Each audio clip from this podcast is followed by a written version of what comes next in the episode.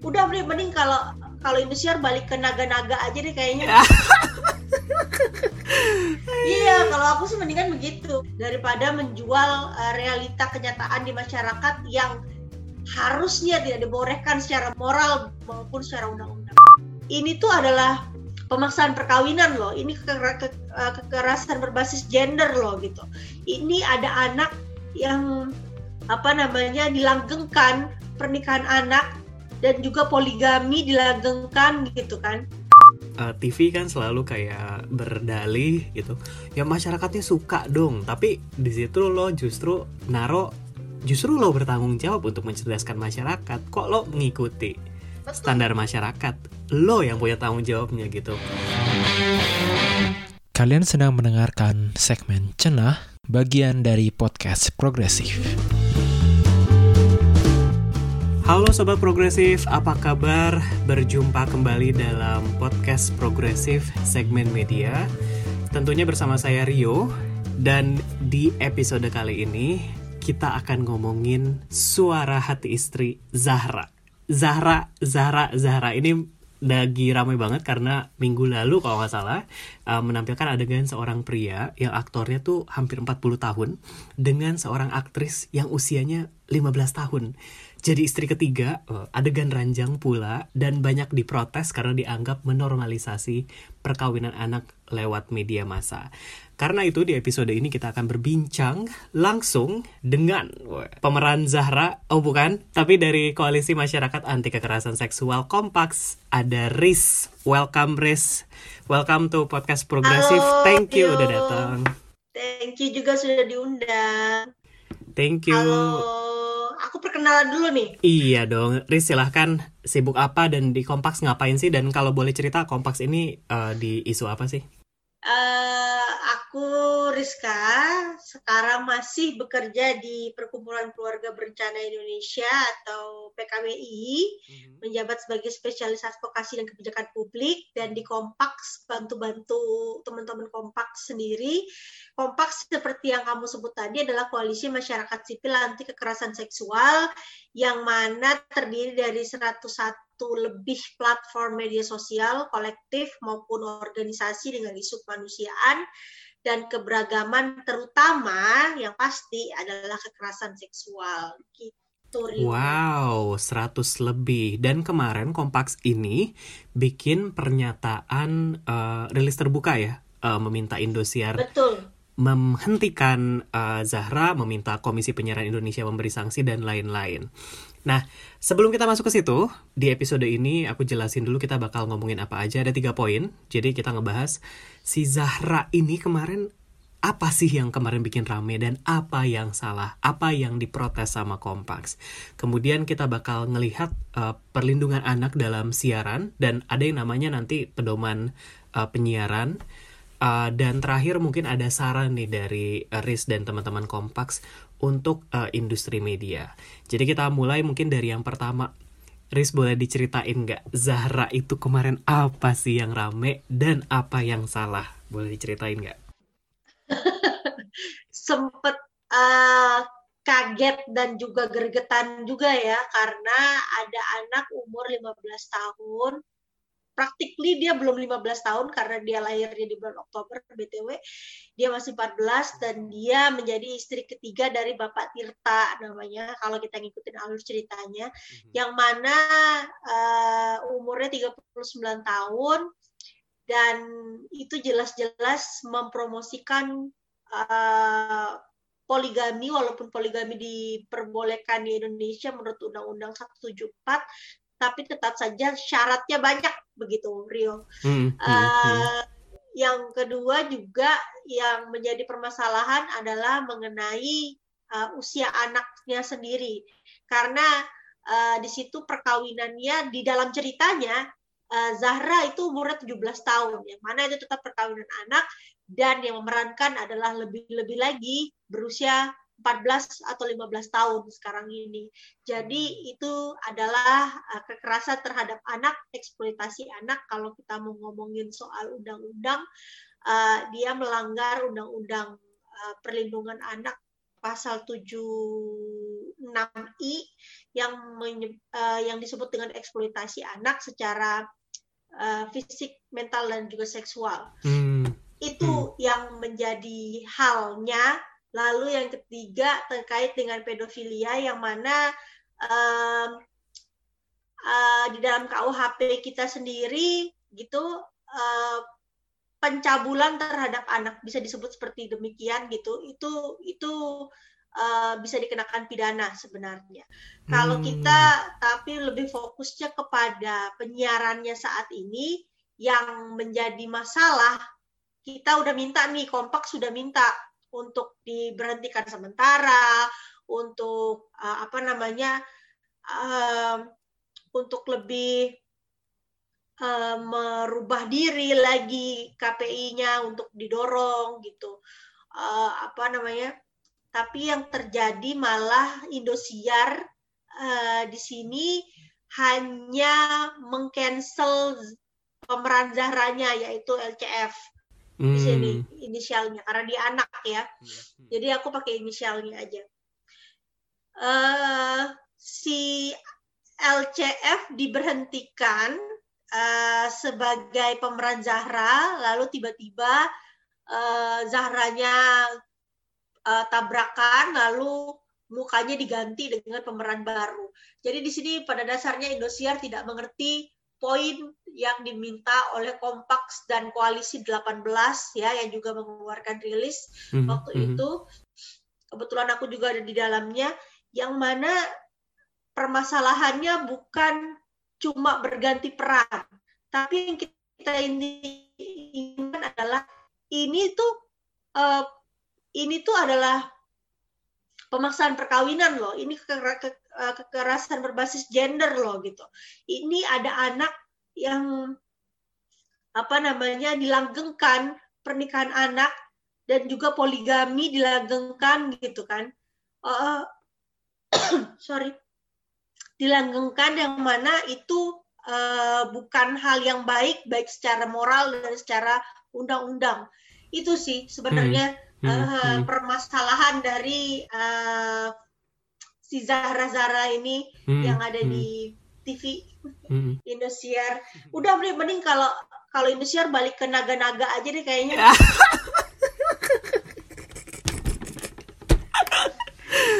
iya kalau aku sih mendingan begitu mendingan balik ke naga-naga balik ke uh, jaka tingkir gitu daripada memang ngejual uh, apa ya uh, uh, fiksi gitu loh daripada menjual uh, realita kenyataan di masyarakat yang harusnya tidak dibolehkan secara moral moral maupun secara undang-undang. Yang justru lagi diperangi gitu ya. Kenapa kok malah di Betul. dipromosiin gitu lewat TV lagi?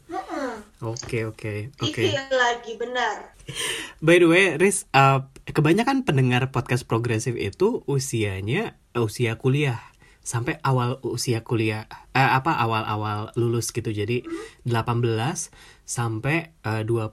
Jadi buat sobat progresif mungkin bisa ngebayangin teman-teman sekarang sudah harus menikah dengan bapak-bapak usia 30-an.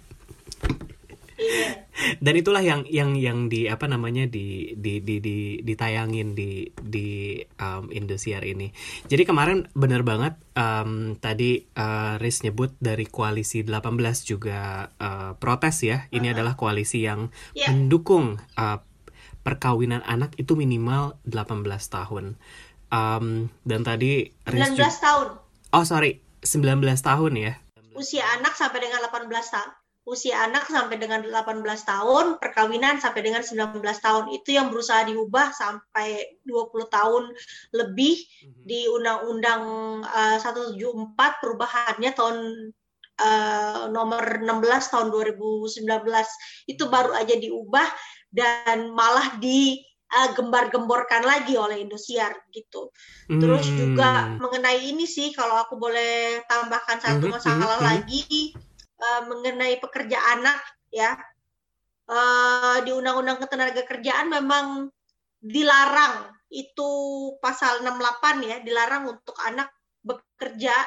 Namun diperbolehkan untuk anak usia 13 sampai 15 tahun untuk bekerja asalkan ada syaratnya yang mana minimal dia bekerja hanya tiga jam se sehari ya dan tidak mengganggu uh, so, mental fisik dan juga sosialnya.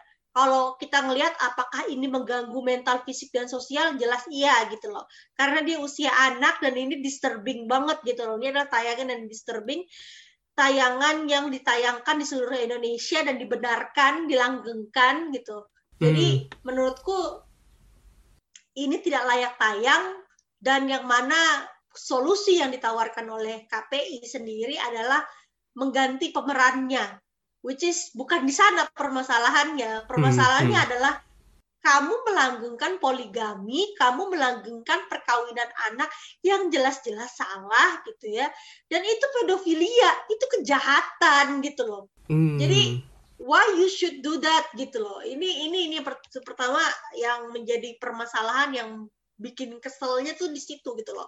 Masa nggak ngerti sih gitu loh. Masa hanya karena ratings hal-hal seperti ini juga harus masyarakat publik harus geger dulu gitu loh untuk memberikan tayangan yang bermutu dan juga progresif dan juga baik setidaknya gitu hmm. uh, ke masyarakat gitu sih hmm. wah hmm. berapi-api gua maaf ya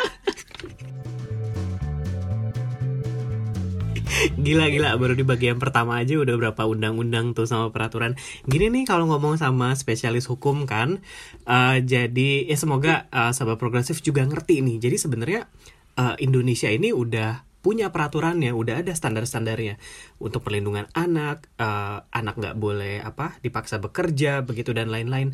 Dan itu sebenarnya yang menjadi dasar protes ini. Jadi kayak protesnya nggak tiba-tiba bukan masalah suka nggak suka, bukan masalah apa, tapi emang ada peraturannya dan dan peraturannya sudah cukup baik gitu. Tapi kok kenapa TV-nya tiba-tiba seperti ini gitu kan? Nah kita ke poin betul, kedua so, mungkin soal um, tadi yeah. kita udah udah udah ngomongin juga soal apa um, anak dalam siaran yang sebetulnya um, tadi kan nyebut uh, undang-undang perlindungan anak ya. Nah undang-undang perlindungan anak sebetulnya yeah. dibahas juga tuh dalam uh, ada namanya uh, aturan penyiaran, namanya pedoman perilaku penyiaran dan standar program siaran uh, P3 SPS. Um, yeah. Kalau anak-anak yang kuliah komunikasi tuh pasti belajar tuh.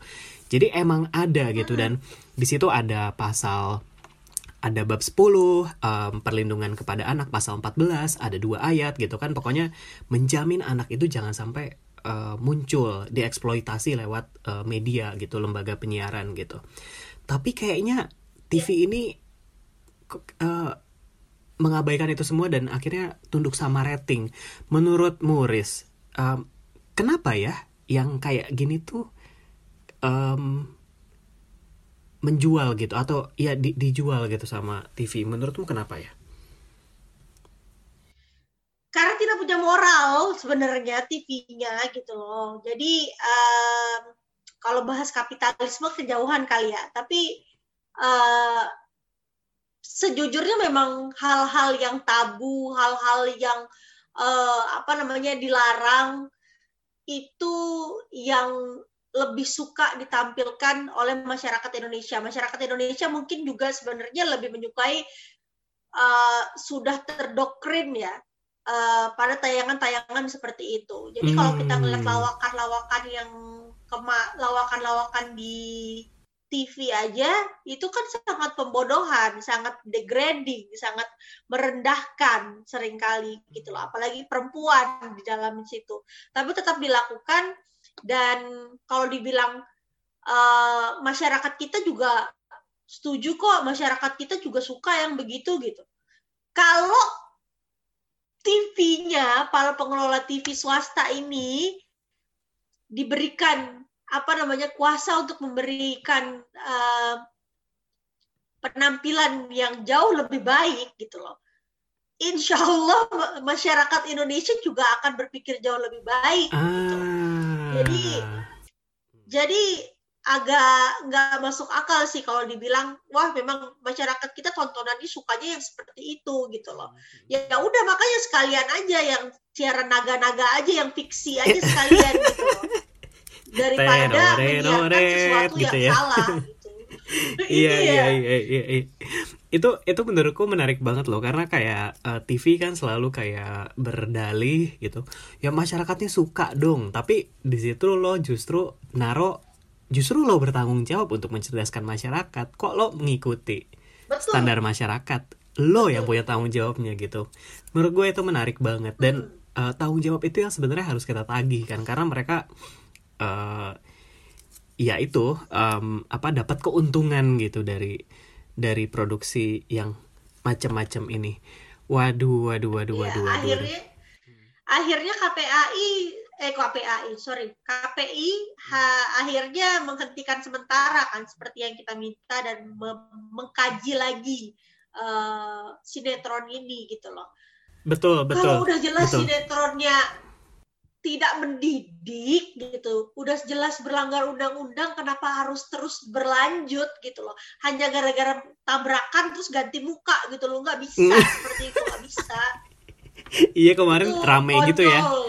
langsung ada iklannya kan. Uh -huh. uh, jadi kejadiannya kayak mobilnya jatuh ke jurang kebakar. Terus si tokoh Zahranya ini ceritanya operasi plastik terus dibuka wajahnya ganti. Yang aslinya adalah si pemeran aslinya itu diganti sama pemeran baru. Uh, pemeran barunya juga sebenarnya nggak tua-tua banget. Uh, eh, 18 tahun tapi setidaknya sudah memenuhi uh, minimum usia oh itu. Walaupun jalan ceritanya walaupun jalan oh ceritanya dan apa namanya bagaimana perempuan diletakkan dalam cerita itu nggak banyak berubah sih. Ya nggak sih menurut Muris? Iya kalau mau jujur aja standar ideal uh, pernikahan di Indonesia itu kan 21 tahun ya. Hmm. Uh, di Undang-Undang 174 juga pasal 7 udah dijelaskan bahwa yang idealnya adalah 21 tahun begitu loh. Tanpa wali ya. Kalau kalau dengan wali ya di ya, ya, ya 19 tahun begitu. Kalau umur 18 tahun tetap aja perkawinan anak gitu loh. Hmm. Gak bisa Betul, Jadi betul, betul. dihentikan sementara adalah suatu hal opsi yang paling strategis gitu loh. Dan aku juga seneng sih sebenarnya KPI KPAI uh, menunjukkan taring giginya. Bentar, sih, bentar KPAI KPI uh, ini. KPAI KPAI. Oke, okay. ini Komisi Perlindungan Anak Indonesia ya KPAI. Betul. Uh, uh, menunjukkan uh, ketegasannya lah setidaknya hmm, gitu. Hmm, hmm, hmm Walaupun mungkin butuh promosi juga tahu lah ya tapi setidaknya tapi, mereka bekerja ya ya mereka bekerja.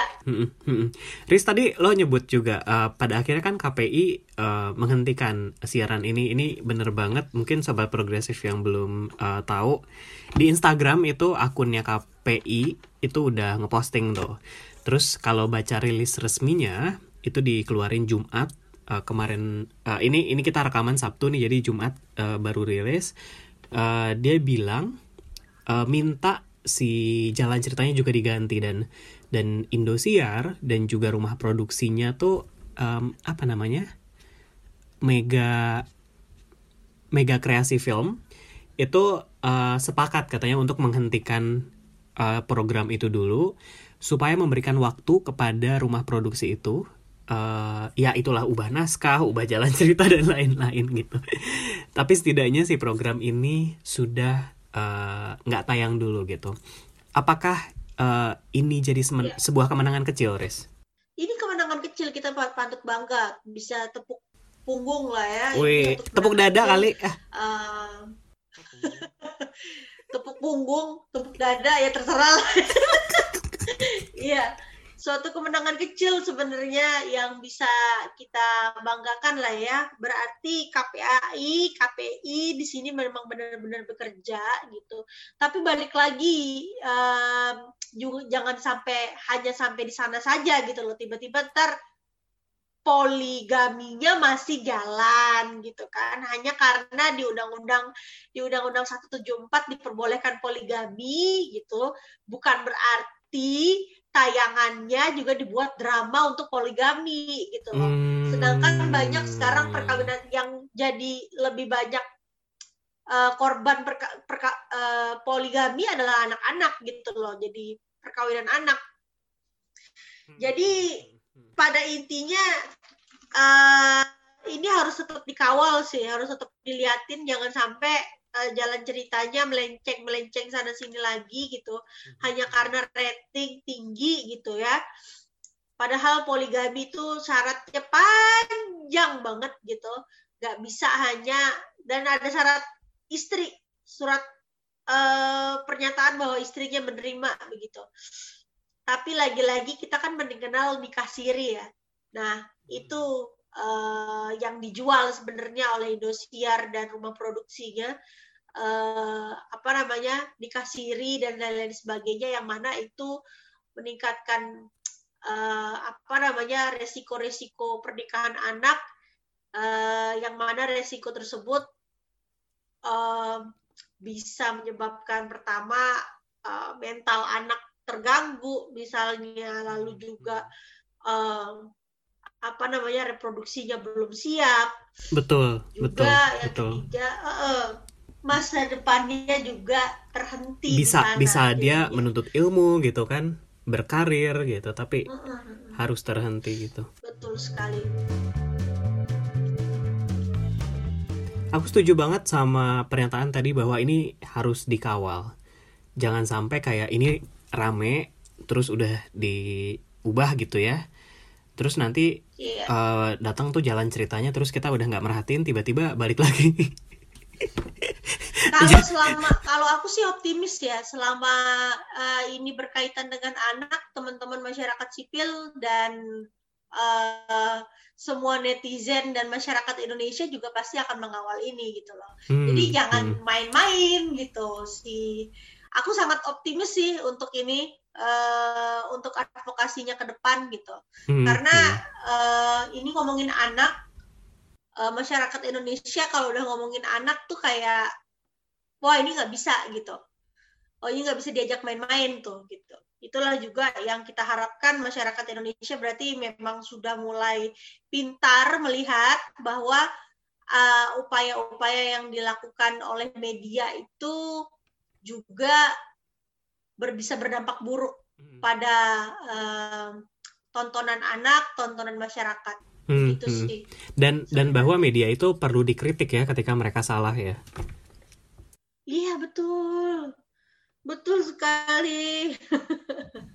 Padahal gue kerja di media tapi kayak ayo kritik kalau media salah. apa saran dari uh, lo dan teman-teman Kompaks nih buat industri media uh, supaya yang kayak gini tuh nggak terjadi lagi? simpelnya aja uh, kalau memang fiksi biarkan itu menjadi fiksi dan nyatakan bahwa itu memang benar fiksi. Misalnya diberikan disclaimer di depan bahwa ini adalah cerita fiksi bla bla bla bla bla bla. Nah kalau terlalu mirip dengan realita kenyataan di masyarakat jangan dianggap itu menjadi suatu hal yang benar begitu tapi justru di embrace bahwa ini uh, saatnya media step up dan memberikan pelajaran yang jauh lebih informatif uh, kepada masyarakat begitu. Jadi jangan karena aji mumpung oh iya masyarakat kita kan seperti ini ya udah kita kasih aja yang mereka mau no gitu loh kalian punya kuasa yang besar sekali untuk mengubah masyarakat Indonesia ini jauh lebih pintar gitu. hmm, hmm, hmm, hmm. Dan uh, gimana buat masyarakat sendiri nih? Um, kan emang nggak semua orang masih nonton TV ya tapi TV itu uh, teman-teman yeah. uh, itu masih jadi uh, satu media yang uh, utama tuh di Indonesia. Karena nggak semua punya akses terhadap internet kan. Jadi TV itu pengaruhnya masih besar di Indonesia masih yang paling besar. Uh, jadi uh, apa saranmu buat ini nih orang-orang uh, yang uh, menonton TV supaya lebih cerdas. TV mm -mm. Uh pertama uh, kalau aku sih kalau ke masyarakatnya sendiri untuk menonton lebih cerdas uh, aku lebih kepada mendorong kominfo ya. Kominfo untuk lebih banyak memperluas jaringan internet ya untuk teman-teman juga lebih banyak lebih lebih tahu literasi dan juga literasi digital Hmm. Itu yang paling utama. Masyarakat Indonesia juga harus tahu yang mana uh, itu hiburan, yang mana itu apa namanya adalah pelanggaran hukum, pelanggaran moral ya, dan itu tidak bisa dibenarkan. Hmm, mana yang pembodohan ya? Iya, mana pembodohan gitu loh. Tapi kadang hal-hal yang kayak gitu tuh seru juga ditonton gitu loh. Kadang gue zaman dulu nonton apa ya judulnya? Yang Asmirandah sama si ini gitu, yeah. gitu. Itu zaman dulu gue senang banget tuh nonton yang begitu gitu Iya, iya, tapi iya. ya aku berharap sih seiring berjalannya waktu masyarakat Indonesia menyadari bahwa uh, dunia nyata tidak seunyu-unyuan uh, apa namanya di di realitanya hmm. gitu. Terus juga sama hal kalau kayak gini aja deh contohnya kan sering kali kalau di TV menggambarkan Jakarta itu wah banget gitu ya. Hmm. Tapi percayalah teman-teman yang di daerah, uh, aku pun dari daerah yang pernah, aku juga tahunya Jakarta itu dari sinetron gitu, Rio. Hmm. Hmm. Jadi waktu datang ke Jakarta pertama kali, yang aku lihat wah gedung tinggi, wah. Nanti tabrakan uh, ceweknya kayak FTV FTV, wah ceweknya nanti uh, tukang jamu misalnya gitu. Terus cowoknya uh, yeah. pakai mercy uh, anak orang kaya terus gitu kan. ketemu di jalan mm -hmm. anak orang kaya. Terus mm. ketemu terus jatuh cinta. No that's not gonna happen in real life gitu. Pelajari bahwa itu adalah uh, hanyalah hiburan ya yang mana hiburan dan pembodohan sebenarnya dan yang mana benar-benar uh, uh, realita di masyarakat. Hmm, itu sih. hmm, hmm, hmm. gue mau gue mau tepuk tangan dulu. Gue gue sebagai anak yang kuliah komunikasi sekarang juga komunikasi kerja di media tapi gue mendukung. Jangan mudah percaya apa yang dikatakan media.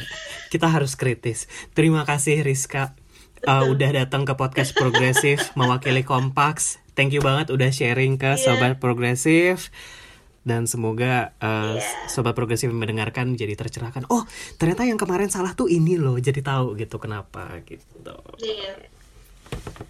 Thank you juga Rio. Sama-sama, Riz kalau ada yang mau nyapa lewat sosmed boleh nggak? Boleh disebut nggak uh, sosmednya apa kalau boleh boleh. Hmm? Langsung aja ke at uh, di Instagram aku di at super.dike mm-hmm. langsung aja ke sana. Oke, kalau gitu. Dan buat sobat progresif, jangan lupa kalau punya kritik, saran, atau ide yang mau disampaikan, uh, boleh nge-DM ke saya juga di Instagram at Rio Tuasikal, R-I-O-T-U-A-S-I-K-L. Dan jangan lupa follow uh, akun podcast progresif, podcast underscore progresif. Dan jangan lupa ketika mendengarkan ini di Spotify, Oh, thank you. Jangan lupa ketika mendengarkan ini di Spotify, akun podcast progresif di Spotify itu di-follow juga supaya kita tetap bisa naik di section uh, Society and Culture. Kira-kira gitu aja di episode kali ini. Thank you banget, Res. Dan thank you sobat progresif udah banget, mendengarkan udah diundang. Thank you. Thank you, Riz. Thank you sobat progresif. Bye-bye. bye